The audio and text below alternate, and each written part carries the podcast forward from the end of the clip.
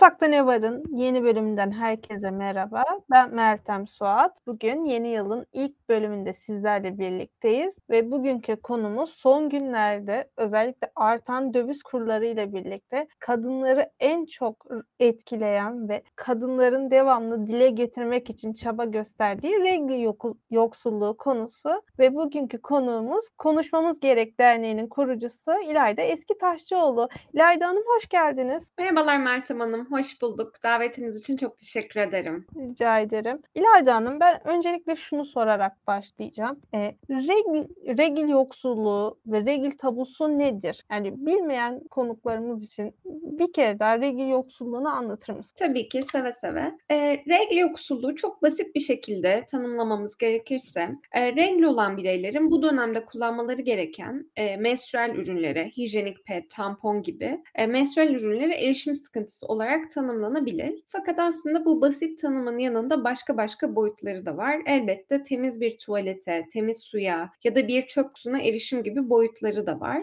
Ve bizim e, savaştığımız bir diğer kavram olan e, regl tabusu da regl yoksulluğunu büyük olanda etkiliyor. E, regl tabusu da aslında norm, çok normal bir biyolojik deneyim olan e, reglin e, utanılması gereken, kirli, konuşulmaması gereken e, bir şeymiş gibi görülmesi olarak özetlenebilir. E, regl tabusu regl yoksulluğunu elbette şu şekilde etkiliyor.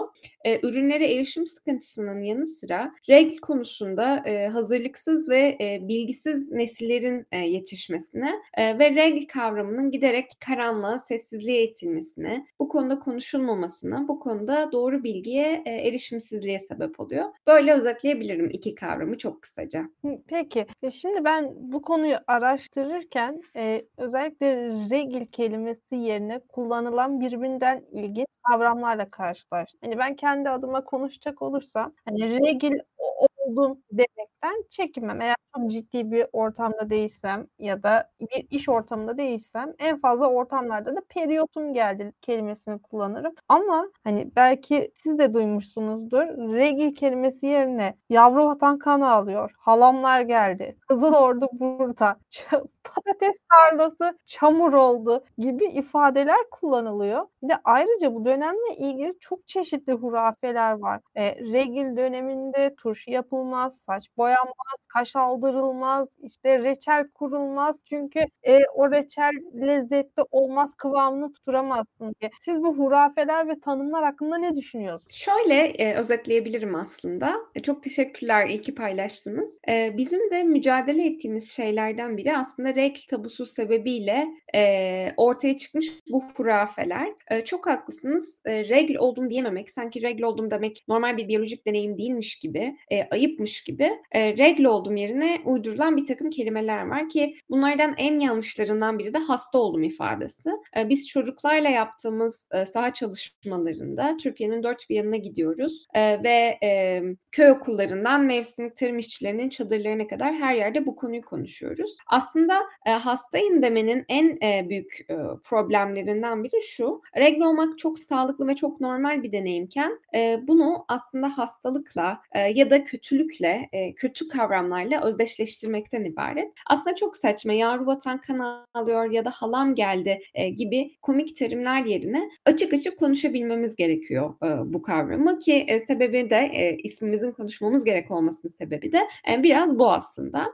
Diğer hurafelerden bahsettiniz. Çok teşekkürler. E, bu hurafelerin yanında e, tabii yine bu hurafeler regl tabusundan e, kaynaklanıyor. Sanki regl olmak lanetli bir şeymiş gibi adeta e, bir algı var. Bu sadece Türkiye'ye özgü değil bu arada. Bütün dünyada e, bu şekilde hurafeler ve batıl inançlar var. E, örneğin bazı Afrika kabilelerinde regl olan kadınların kabilelerden dışlandığı ya da Nepal'de Chowpadi ismini verdiğimiz bir uygulama var. E, regl döneminde kadınların köy evlerine, köylere dahi alınmadığı, e, bu dönemde e, kilden yapılmış ayrı e, bir takım çamur e, kulübelerde kalmaya zorlandığı e, ya da lanetli sayıldıkları dönemler var. E, tabii ki hani bunların ne kadar saçma ve yanlış olduğunu uzun uzun e, tartışabiliriz. Fakat temelde e, regl olmak belki de bizim e, teorimize göre e, kadının cinselliğiyle sürekli özdeşleştirilen bir konu olduğu için e, asla kamusal alanda taşınmaması gereken ve hakkında böyle çeşit çeşit hurafelerin, batıl inançların üretildiği bir kavrama dönüşmüş durumda. Halbuki bu e, aslında e, dünya nüfusunun neredeyse yarısının insanlık tarihinin başından beri e, belirli dönemlerde deneyimlediği bir şey e, ve biz bunu konuşarak aslında tabu olmaktan çıkarmaya çalışıyoruz. E, konuşmak bunun ilk adımı böyle e, ifade edebilirim. Ya şimdi şöyle de bir şey var. Ee, e, evet ben dediklerinize katılıyorum. Bir de bir yandan da yani şimdi benim o tabirler içerisinde kere en başta en çok güldüğüm şey Kızıl Ordu burada oldu. Hani gerçekten hani regli olmayı militarizmle nasıl e, bağdaştırdılar o da ayrı bir mesele ama hani ben şeyi hatırlıyorum. Mesela 13-14 yaşında ergenliğe ilk girdiğimizde okulda bir e, ergenliğe ve işte cinselliğe giriş eğitimi verilirdi. Orada kızlara pet dağıtılırken regl konusunu işledikten sonra erkeklere de temsil olarak bir diş macunu verilirdi. Hani kızlar o petleri utana sıkana sıkıla e, sınıflara çıkartırdı ve kimseye göstermezdi. O yaşlarda bile hani bu şeyin regle olmayı utanılacak bir şey. Sanki bir tabuymuş, bir günahmış gibi herkesten saklamamız gerektiğini hani kendimize empoze ettik. Mesela bugün de bir en azından bir mahalle arasında bir markete gittiğinizde ben pet almak istiyorum dediğinizde o peti ya bir gazete kağıdına sarma ya bir siyah poşete koyma. Sanki hani e, ben ürüyorum şeyini kimse görmemeli. Hani bu ayıpmış günahmışçasına ki biliyorsunuz mesela biz geçen bölümde de Maria Hanım'la bahsettik. Geçtiğimiz sene hani sırf eşine indirimde pet var dediği için kasiyeri darp eden bir e, adam vardı. Ya bu çok çok uzak bir zamanda yaşanmadı. E şimdi de baktığımızda mesela benim arkadaşım başına şöyle bir olay geldi. Otogarda pet almak istemiş ve otogarda o market çalışanı peti iğrene iğrene utana utana vermiş ve siyah poşete gazete kağıdına sararak vermiş. Sanki çok ayıpmış gibi. Şu anda da ben çıkıp evimin yakındaki bakkala gitsem bunu söylediğim an bakkalın yüz ifadesi değişiyor. Çünkü kendisi bir erkek ve ne demek bunu almak? Bana nasıl açık açık söyleyebilir diye. Hani evet. Şimdi evet. hazır konusu açılmışken hem sizin de yorumunuzu alayım hem de konuşmamız gerek harekette nasıl ortaya çıktı? Siz neleri konuşmamız gerek diyorsunuz? Ona da bir sorayım. Çok teşekkürler Meltem Hanım. Aslında iyi ki bu örnekten bahsettiniz. Bu dinleyicilerimiz arasında regl olan herkes, bununla ilgili bir hikayesi olan herkesin bu tabuyla ilgili de bir anısı vardır. Dediğiniz gibi ya bir siyah poşete konulmuştur ya da bu arada çocukluğumuzda bize kodlanan, işlenen o utanma duygusuyla hay Allah erkek kasiyer varsa ben e, pedi nasıl alacağım endişesi bile aslında bunun bir parçası. Ve dediğiniz gibi çok uzak değil hatta pandemi günlerinde e, karıma nasıl orkid var dersin e, diye e, e, bir e, kasiyerin tartaklandığına da şahitlik ettik. E, bunlar hayatımızın bir parçası ama işte biz tam olarak bunu dönüştürmeye çalışıyoruz. Yani dediğim gibi e, modern menstrual ürünleri 20. yüzyılın başından itibaren kullanmaya başladık. Türkiye'ye girişi de 80'lere tekabül ediyor. Bu zamandan beri kullanılan hatta e, tarihin başından beri, insanlığın başından beri e, regl olan herkesin, e, kadınların öz bakımında bir şekilde e, bu durumu yönettiği bir bir şeyden bahsediyoruz. Yani bu bir sır değil. Bu milyarlarca dolarlık bir e, market aynı zamanda e, ve bir sürü insan bu ürünleri alıyor, bu ürünleri kullanıyor. Artık bu yokmuş gibi davranmak, çocukları bu alanda eğitmemek, bunu ayıp, günah gibi görmenin zamanı geçtiğini düşünüyoruz biz. E, tam e, bunlardan bahsederken aslında biraz da tabii dediğiniz gibi konuşmamız gereken hikayesinden bahsedeyim. Bunun için 2016 yılına geri dönmem, e, pardon 2016'da değil 2011 yılına dönmemiz gerekiyor. Çok daha eskilere. O zamanlar hukuk fakültesine yeni başlamış bir öğrenciydim ben. Ve hatırlarsanız Van depremi olmuştu. Büyük bir depremde. E, ben de ailemle birlikte yardım kolileri hazırlayıp e, afet bölgesine gönderiyordum. E, bizim ailemizde kadınlar çoğunluktadır ve e, çoğu da hatta güçlü kadın e, figürleridir. Buna rağmen birimizin bile aklına e, deprem bölgesinde hijyenik ped ya da tampon göndermek gelmemişti. Bu epeyce garibimize gitti. Ya bunca kadın bir aradayız nasıl bunu düşünemedik dedik. E, ve bu kafamın köşesinde bir soru işareti olarak kala kaldı. Birkaç yıl sonra da 2013'tü sanıyorum. Twitter'da bir şey gördüm. Türk Dil Kurumu e, sözlüğünde bir değişikliğe gitmişti ve kirli kelimesinin anlamlarından birine ay başındaki kadın ifadesini eklemişti. Dinleyiciler şu anda da e, elektronik olarak e, Türk Dil Kurumu'nun sözlüğüne girip bakabilirler. Ne yazık ki bu tanım hala orada. Şimdi bir çocuğun e, kendi bedeni ve yaşayacağı çok normal bir biyolojik deneyim hakkında neler düşüneceğini tahmin edersiniz bu tanımı okuduğunda. Bu ikisi kafamda birleşti ve bu alanda bir şeyler yapmaya karar verdim. E, araştırmaya başladım. E, bu birkaç yıllık bir yolculuktu benim için ve 2016 yılında konuşmamız gereki kurdum. E, konuşmamız gerek Türkiye'de regl yoksulluğu ve regl tabusuyla mücadele ediyor. E, hedef kitlelerimiz, ulaşmaya çalıştığımız kitleler e, daha çok mevsimlik tarım işçileri, mülteciler ve en önemlisi köy okullarına giden çocuklar.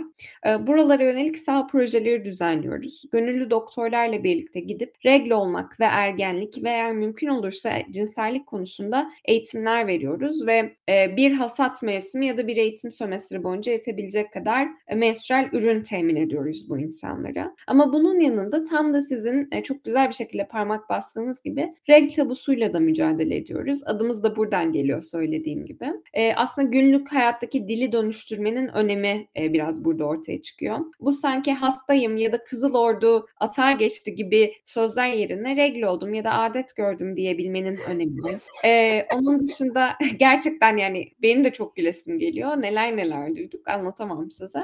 Um, ve bir de tabii e, regl yoksulluğunun bizce en önemli sebeplerinden biri bu ürünlerin çok adaletsiz vergilendirilmesi.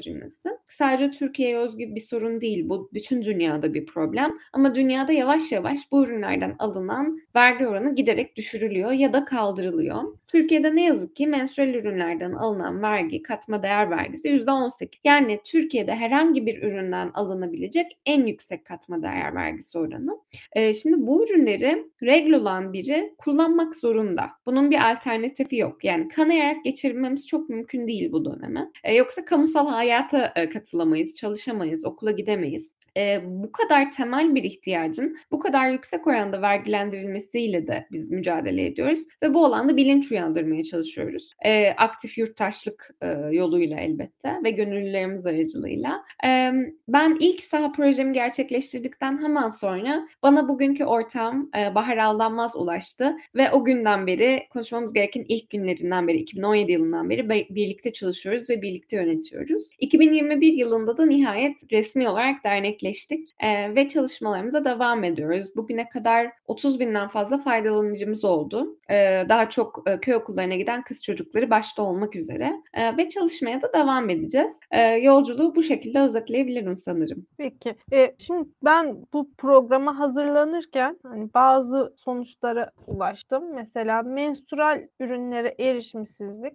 e, kadınların cinsel sağlığı açısından çok ciddi problemler çıkartabiliyor. Biliyorsunuz hani kadınların e, genital bölgeleri çok hassas ve farklı bir tuvalete girdiğimizde bile çok çabuk hastalık kapabiliyoruz. Böyle bir durumda hani pede erişememek gerçekten ciddi problemlere yol açabiliyor. Bir de e, siz de çok iyi biliyorsunuzdur. Derin yoksulluk ağının bir pandemide yoksulluk araştırması var. O araştırmaya göre hanelerin %82'si pandemi döneminde yardım almadıkça pede ulaşamamış ve o hanelerde yaşayan kadınlar diyorlar ki e, ben pet alacağım parayla e, çocuğuma bir şey alırım, çocuğuma mama alırım, çocuğuma bez alırım. Ben çocuk bezini keser, pet yaparım. Eski atlet koyuyorum. E, kızlarım istemedikçe pet almıyorum. Onlara da en ucuzunu alıyorum diye. Ki mesela şöyle de bir şey var. Ben pandemi konusuna da değineceğim. Hani pandemide biliyorsunuz o tam kapanma döneminde mesela pet satışı yasaklandı bir dönem ve sanki e, pet, a, regli olmak insan hani öylesine bir şeymiş gibi, isteğe bağlı olan bir şeymiş gibi kadınlara 17 gün boyunca periyot olmayın dediler mesela. 17 gün boyunca regle olmayacaksınız çünkü bu özel tüketime giriyor. Zaten hani aldığımız KDV'den de belli isteğe bağlı yaşanan bir olay. 17 gün sonra tekrar olmaya devam edersiniz diye. Birazcık da hani o ataerkil iktidarın tekelinde kaldı bizim regle olmamız bile. Ne o pandemideki yaşanan regle yoksulluğuna da değinmek istiyorum. Nasıl etkiledi pandemi e, regle yoksulluğunu? Tabii ki çok güzel bir soru. Çok teşekkürler. E, Derin Yoksulluk Ağı'nın raporuna değinmeniz de bizi çok mutlu etti.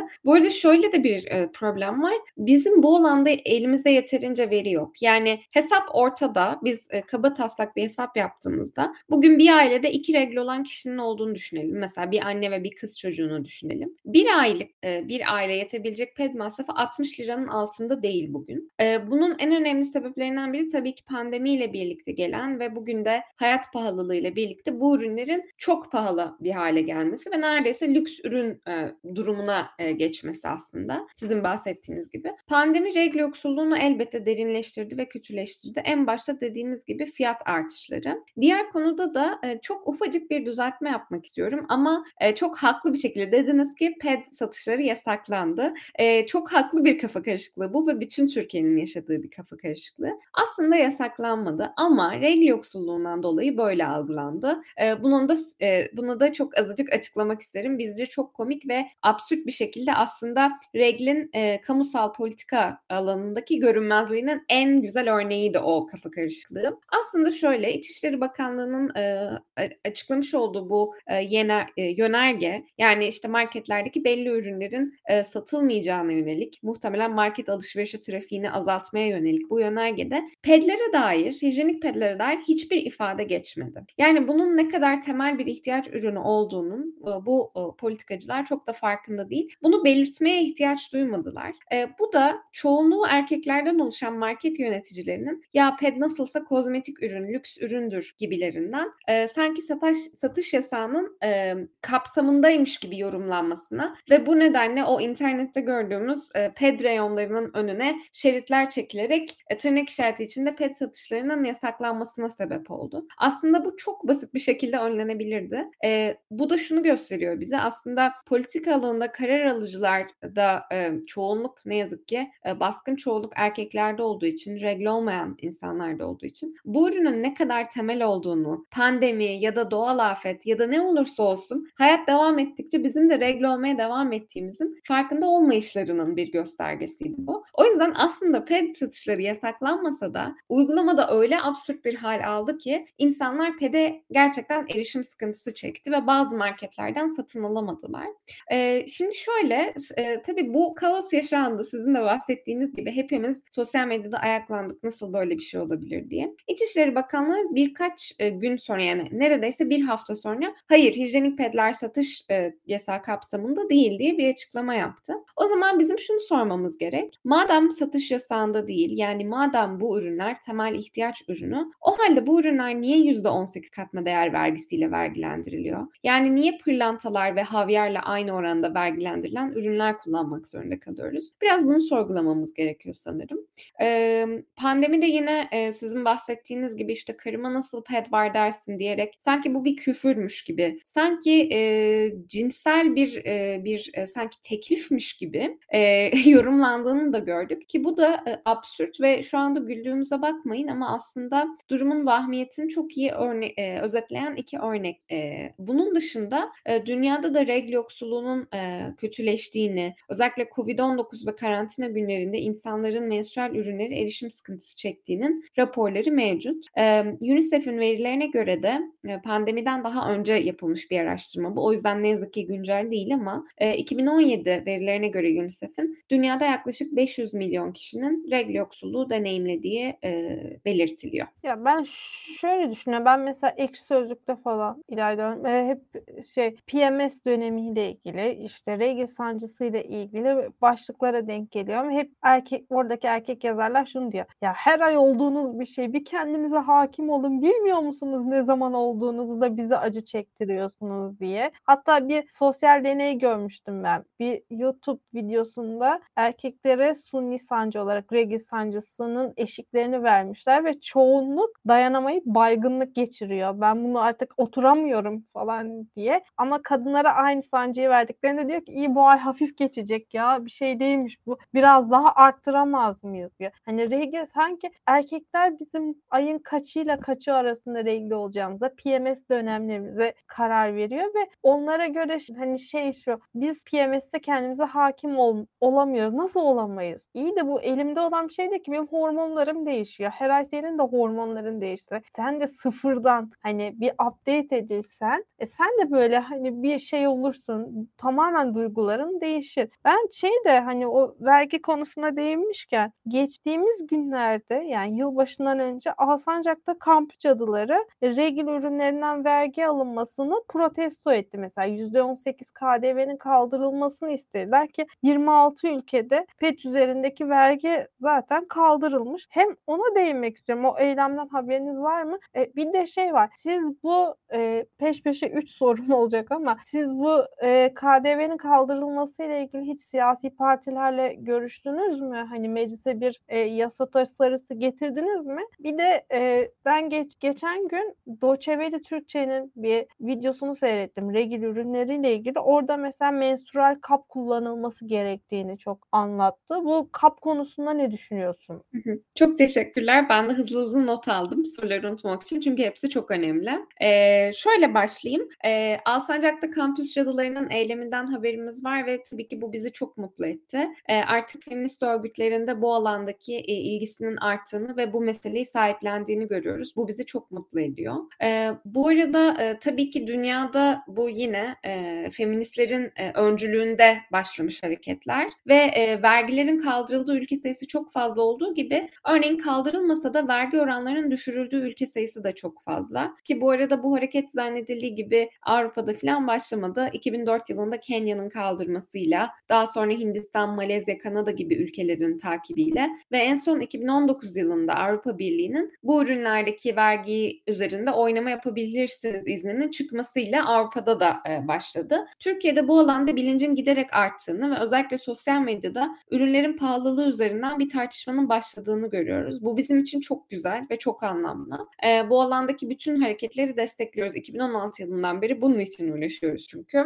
E, bu arada e, şöyle e, menstrual kaba hızlıca bir değinmek isterim. Menstrual kap veya regl kilotları gibi aslında ekolojik olarak daha sürdürülebilir, yeniden yeniden kullanılabilir ürünleri e, biz daha fazla teşvik etmeye çalışıyoruz. E, neden? Bir kere ekonomik olarak da daha sürdürülebilir. E, iyi kalite bir menstrual kapı bir kadın 10 yıl boyunca kullanabiliyor örneğin. E, fakat menstrual kapla ilgili şöyle bir problem var. Bizim çalıştığımız bazı çevrelerde e, insanların temiz suya dahi erişimi e, tam olmuyor. Temiz suya erişimi olmayan bir mevsimlik tarım işçisine de menstrual kap vermek çok e, pratik ve anlamlı olmuyor. Çünkü nasıl olsa e, bir ay kullandıktan sonra o menstrual kabı dezenfekte edebilecek suyu olamıyor bazen. Ve bazen de e, ne yazık ki Türkiye'de e, tampon veya menstrual kap gibi ürünlerin bekareti bozacağı inancı var. Ki buradaki hani saçma sapan e, bekaret üzerine olan bu, bu takıntı ve bu yanlış görüşleri e, uzun uzun tartışabiliriz. Ama şöyle bir durum var. E, işte bir takım biraz daha muhafazakar bir kesimde çocuklarla çalıştığımız zaman da bu ürünleri onlara tabii ki zorunlu e, tutamıyoruz. E, çünkü hani onların da güvenliğini e, tehlikede e, tehlikeye e, koymak istemeyiz. Bu nedenle biz bu ürünleri her seferinde tanıtıyoruz ve bu ürünleri kullanabilecek herkese onları sağlamaya çalışıyoruz. Ama elbette zorunlu değil. E, herkesin kendi tercihindedir. E, hani hangi menstrual ürünü kullanmak istediği. Menstrual kapları e, kesinlikle desteklemekle birlikte ekolojik ve ekonomik olarak daha sürdürülebilir olduğunu düşündüğümüz için e, asla zorunlu tutmuyoruz ve genellikle çocuklarla çalışırken e, daha çok hijyenik ped e, ürünlerini dağıttığımızı söyleyebilirim. Ama menstrual kap giderek yaygınlaşıyor e, Türkiye'de. Biz e, hem siyasilerle hem de pek çok e, kadın örgütüyle bu konuyu konuştuk. Şöyle 2019 yılında bu bu arada bu alanda çok umut verici gelişmeler de oldu. Bizim inisiyatifimizle yapılmış tabii bir e, kanun teklifi yok fakat e, milletvekillerinin bizim çalışmalarımızı görerek ve bizim çalışmalarımıza atıfta bulunarak kanun teklifleri sunduğunu gördük ki bu bizi çok mutlu ediyor. E, 2019 yılında e, milletvekili Serra Kadıgil %18'lik KDV'nin %5'e düşürülmesi için bir kanun teklifi sundu. Şu anda hala komisyonda bekletiliyor ne yazık ki bu teklif. 2020 yılında yılında ise e, yine milletvekili Gülistan Kılıç Koçyiğit bizim e, Yeni Zelanda ya da İskoçya modeli dediğimiz belirli yaş aralıklarına sağlık sigortası kapsamında bu ürünün ücretsiz teminini e, savunan bir kanun teklifi sundu. O kanun teklifi de şu anda komisyonda bekliyor. Fakat e, bu yine de çok bizim için umut verici ki bu kanun tekliflerinde bizim çalışmalarımıza da atıfta bulunuldu. Bu bizi çok mutlu ediyor. En azından e, Türkiye Büyük Millet Meclisi'nde yani e, kamu politikalarında biraz vergi yoksulluğu probleminin taşınıyor olması, konuşuluyor olması bile çok önemli bir adım bizim için. E, Seray Kadıgil'in teklif ettiği gibi biz verginin kaldırılması eğer kaldırılması mümkün değilse de çok daha makul bir düzeye yani bir temel ihtiyaç ürününden alınabilecek bir vergi düzeyine indirilmesini savunuyoruz. Ama bunun dışında Yeni Zelanda ya da İskoçya modelinin Türkiye'ye getirilmesi de mümkün. Bu model insanlara ilk başta çok ekstrem geliyor. Nasıl yani insanlara bedava ped mi dağıtacaksınız gibilerinden. Aslında şöyle e, İskoçya ya da Yeni Zelanda'da da helikopterden ped dağıtılmıyor ya da kapı kapı gezip herkese ped verilmiyor.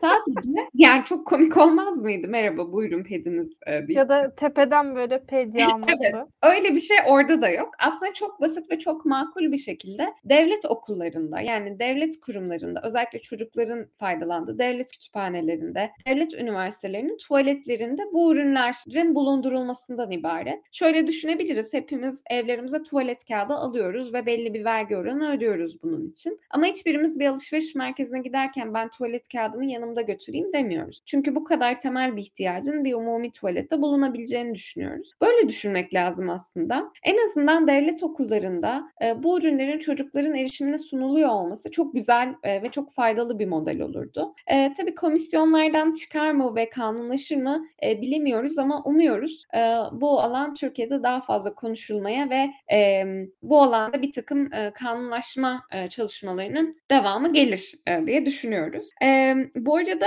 e, regl izni diye de bir uygulama var. Belki duymuşsunuzdur Meltem Hanım. Evet onu Türkiye'de e, Türkiye Gazeteciler Sendikası e, geçtiğimiz yıllarda örgütlü olduğu bazı gazetelerde e, toplu iş sözleşmelerinde belirtmişti. E, hatta Türkiye'de bunu ilk uygulamaya çalışan kurumlardan biri oldu. Regl izni bence hani ona da değinmek istiyorum ben aslında. Hani şey diyorlar ya regl izni varsa o zaman yani o ayrımcılık olur. Nerede eşitlik, nerede şey diye. Ama çoğu kadının periyotları yani regllerin ilk günü o kadar ağır geçiyor ki herkesin ağrı eşiği aynı olmayabiliyor. Onların o gün çalışması zaten büyük bir verimlilik düşürüyor ve bu bizim elimizde olan bir şey değil. Hani bu Majezik ya da Arvele sponsorluğunda atlatılacak bir iş günü olmuyor. Yani yani dediğiniz şeye de e, mesela ben eskiden şeyi hatırlıyorum 3-4 sene öncesinde mesela sinemalarda tuvaletlerinde regl- pet otomatları vardı. Mesela Evet. gene aynı şeyin olması gerekiyor bence. Çünkü bunu devamlı yanımızda taşıyamayabiliriz. O an acil ihtiyaç olabilir. Evet hani bu tuvalet kağıdı kadar elzem bir ihtiyaç ama ben AVM'ye giderken yanımda tuvalet kağıdı ya da kağıt havlu rulosu taşımıyorum. Ama Evet. bunu da hani her an nereden temin edebilirim? Onun metro tuvaletinde, kafe tuvaletinde olması gerekiyor. Ya bu dediğiniz gibi bunu kafadan hani ta- helikopterle başımızdan atmayacaklar ama ben bir havyar yerine aynı vergiyi ödüyorsam bu benim en temel hakkım diye düşünüyorum. Yani Evet. bana o zaman havyarımı, şampanyamı, pırlantamı da verin pet alırken. Veriyor musunuz? Hayır.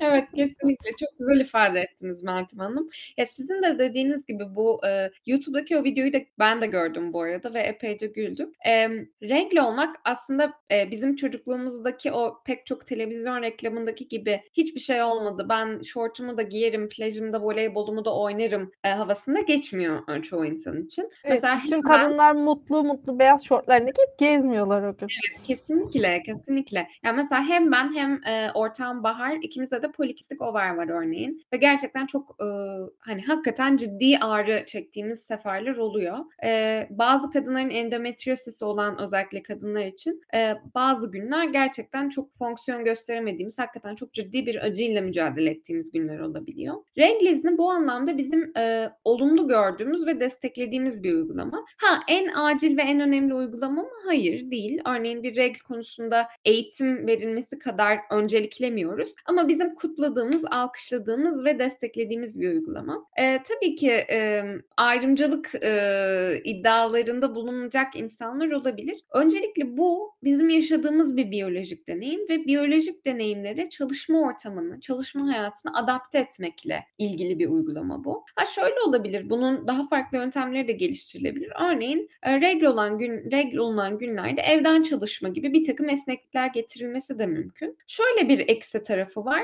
Tabii işverenin gözünde ben ayda birkaç gün regl izni vereceğim bu kadını değil, bu erkeği işe alırım gibi bir tercih yapma gibi bir e, yönelime e, sebep olabilir belki. Hani bu evet eksilerinden biri ister istemez işverenin gözünde bir ön yargıya sebep olabilir. Fakat biz çalışma hayatında, kamusal hayatta regl olma gerçeğinin konuşulur e, hale gelmesi sebebiyle en azından e, regl izni e, uygulamasını destekliyoruz sizin de dediğiniz gibi. E, ve bu sizin de çok güzel, çok komik bir şekilde ifade ettiğiniz gibi aslında e, bu kadar yüksek oranda, bu kadar lüks bir tüketim ürünüymüş gibi, lüks bir kozmetik ürünmüş gibi e, vergilendirilmesiyle de her zaman mücadele edeceğiz e, menstrual ürünlerin. Çünkü bu ürünlere erişim aynı zamanda bir insan hakkı.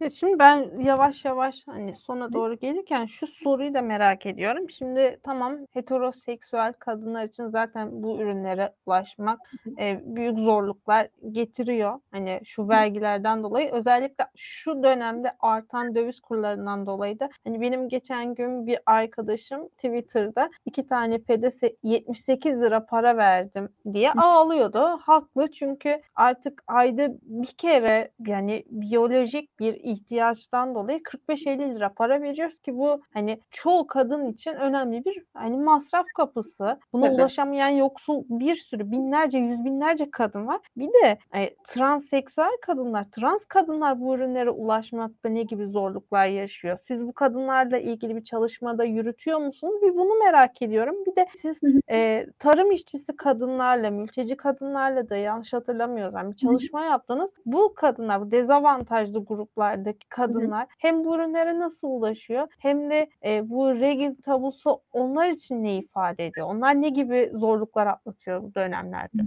Çok teşekkür ederim. Çok güzel iki soruydu Meltem Hanım. Ee, iyi ki değindiniz. Fark ettiyseniz zaten konuşmalarımda e, bazen kadınlar diyor olsam da aslında regl olan bireyler ifadesini kullanmaya çalışıyorum. E, çünkü e, her kadın regl olmaz ve regl olan herkes de kadın değildir. Trans, interseks veya non-binary bireyler de regl e, deneyimleyebiliyor. Bizim bu alanda şöyle bir çalışmamız oldu. Her zaman daha kapsayıcı bir dil kullanmaya çalışmamızın yanında bir de e, olmayanlar için regl kılavuzu diye bir kılavuz hazırlamıştık. Bu kılavuzun yanında da bir özel bölüm hazırladık. Trans, interseks ve non-binary bireylerin regl deneyimleri için. E, örneğin interseks çocuğu olan bir ailenin bu konuda çocuğuna nasıl yaklaşacağı, nasıl eğitim verebileceği, e, bu gibi konularda nasıl destek olabileceğine yönelik bir rehber hazırladık. E, bunu söylemeniz de çok e, çok yerinde oldu. Bu aralar belki görmüşsünüzdür sosyal medyada işte kadının adı yok, kadının adı kullanılmıyor gibi e, bazı iddialar var. Biz kapsayıcı bir dil kullanmaktan yanayız. Tabii ki orantısız olarak kadınlar ve kız çocukları etkileniyor regl yoksulluğundan. Fakat bunu deneyimleyen ya da regl olmayı deneyimleyenleri sadece kadınlarla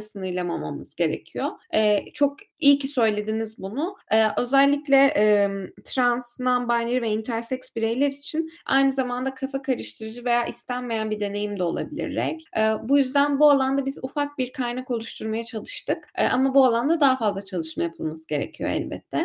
Mevsimlik tarım işçilerine de değindiniz. Ee, mevsimlik tarım işçileri özellikle REG yoksulluğunu en derin deneyimleyen gruplardan biri. Ee, çünkü birincisi sürekli hareket halindeler ve sabit bir gelirleri ne yazık ki yok. Çoğunluğu kayıt dışı çalışıyor e, ve gerçekten kimi zaman e, ped masrafı günlük yevmiyelerinden daha bile fazla olabiliyor.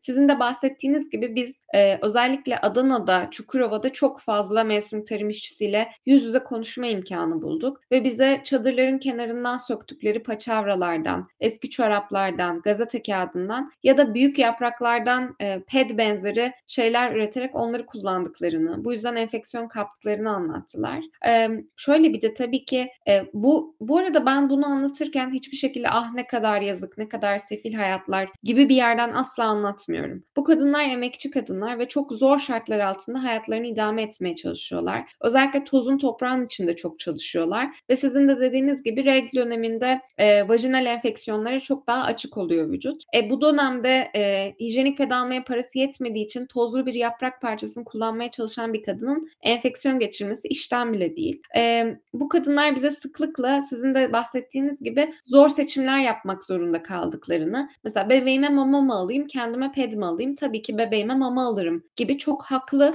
ve zor seçimler yapmak zorunda kaldıklarını, eee, söylediler. Emm, mevsim tarım işçilerinin, işsiz, eee, ailelerin, eee, mültecilerin ve bunun gibi sosyoekonomik açıdan güvenli bir yer bir yerde olmayan, eee, kişilerin regl yoksulluğunu en derin deneyimlediğini görüyoruz ki bu arada bu insanların genellikle sağlık merkezlerine de oldukça uzak yaşadığını, sağlık hizmetlerine erişimde de sıkıntılar çektiğini biliyoruz. Bunun, yani vajinal enfeksiyonlar çok çok ciddi sağlık problemlerine, ölüme kadar gidebilecek çok ciddi sağlık problemlerine sebep olabiliyor. Bu nedenle bizim hedef kitlelerimizden biri de onlar. Çok ufacık, tam kapatıyoruz biliyorum. Eee, çok ufacık mesela hiçbirimizin aklına gelmeyecek bir, şey paylaşmak isterim. Bir mevsim tarım işçisiyle konuştuğumuz zaman bize şunu anlatmıştı. Eee, bizim hijyenik pede paramız yetmediği için küçük kumaşlardan kendimize parçalar hazırladık ama temiz su olmadığı için ve bunları yıkayıp asamadığımız için tekrar kullanamadık ve bu kanlı paçavraları çöp kutusu da olmadığı için uzağa bir yere, eee, bırakmak zorunda kaldık. Gece uyuduğumuz zaman o kanın kokusuna vahşi hayvanlar geldi, eee, ve hem, eee, çadırlarımızın alanına gelip ortalığı dağıttılar hem de sabah uyandığımızda kanlı paçavraları bulduk ve bu bizim için, hani, çok utanç vericiydi ve çok kötü bir görüntüydü diye anlattılar. Şimdi biz büyük şehirlerde ayrıcalıklı köşelerimizden böyle hikâyeler olabileceğini belki düşünmüyoruz ama bunlar bu kadınların gerçekliği ve bunun değişmesi gerek. O yüzden biz çalışmaya mutlaka devam edeceğiz. Peki, evet, teşekkür ederim yorumunuz için. Ben de kapatırken şunları söylemek istiyorum. İlki, eee, özellikle yani regl şuradan regl dönemini hâlâ anlamayanlara sesleniyorum. Regl dönemi 15-50 yaş arası tüm kadınların ve kız çocuklarının yaşadığı biyolojik bir dönem. Yani kadınlara rahim ağzı kanseri taramasını belli bir yaştan sonra ücretsiz yapmakla, bu ürünlerden, eee, yat alıyormuşçasına vergi alarak, bize, eee, bu kanser aşısını ücretsiz yapmayarak genital sağlığımızı birilerinin tek eline bırakmaya çalışmayın. Lütfen artık kadınların sağlığını korumak için. Hani, zaten İstanbul Sözleşmesi'yle hayatlarımızı koruyamıyoruz ama en azından sa olmadığı için hayatlarımızı koruyamıyoruz ama en azından sağlığımızı korumamıza imkân verin. Onu bir söyleyeyim. Buradan ilk lafım yetkililere, eee, lütfen regl ürünlerinde yat alıyormuşçasına ödediğimiz vergiyi kaldırın. Biz yat almıyoruz. Her ay olduğumuz biyolojik bir döngüyü yaşıyoruz. İkincisi de Türk toplumuna lütfen bu ürünleri bize satarken banka soyuyormuşuz gibi davranmayın. Lüt bizi siyah poşetlerle, gazete kâğıtlarıyla sınamayın lütfen. Bu utanılacak, eee, kir insanlara kirli, hastalıklı olarak atfedilecek bir şey değil. Bu her, eee, dişi canlının ki köpekler de regl oluyor, yunuslar da regl oluyormuş, maymunlar da, orangutanlar da oluyormuş. Yani bütün memeli canlılarda olabilecek, eee, biyolojik bir döngü. Lütfen buna kendinizi alıştırın. Buna ayıp, günah, kirli tanımları yaparak kadınları toplumdan dışlamayın, ötekileştirmeyin. Çünkü eğer bu dönem olmazsa zaten nesliniz devam etmez. Birazcık da onu düşünün. Bu açıdan bakın. İlayda Hanım çok teşekkür ederim konuk Ben olduğunuz için. Çok ederim. keyifli bir sohbetti. Çok güzeldi, evet. Çok teşekkür ederim Meltem. Evet. Eee, Mutfakta Ne Var'ın bir bölümünün daha sonuna geldik. Önümüzdeki haftalarda yeni konuklarla yeni gündemleri pişirmek üzere bizi dinlemeye devam edin. Hoşça kalın.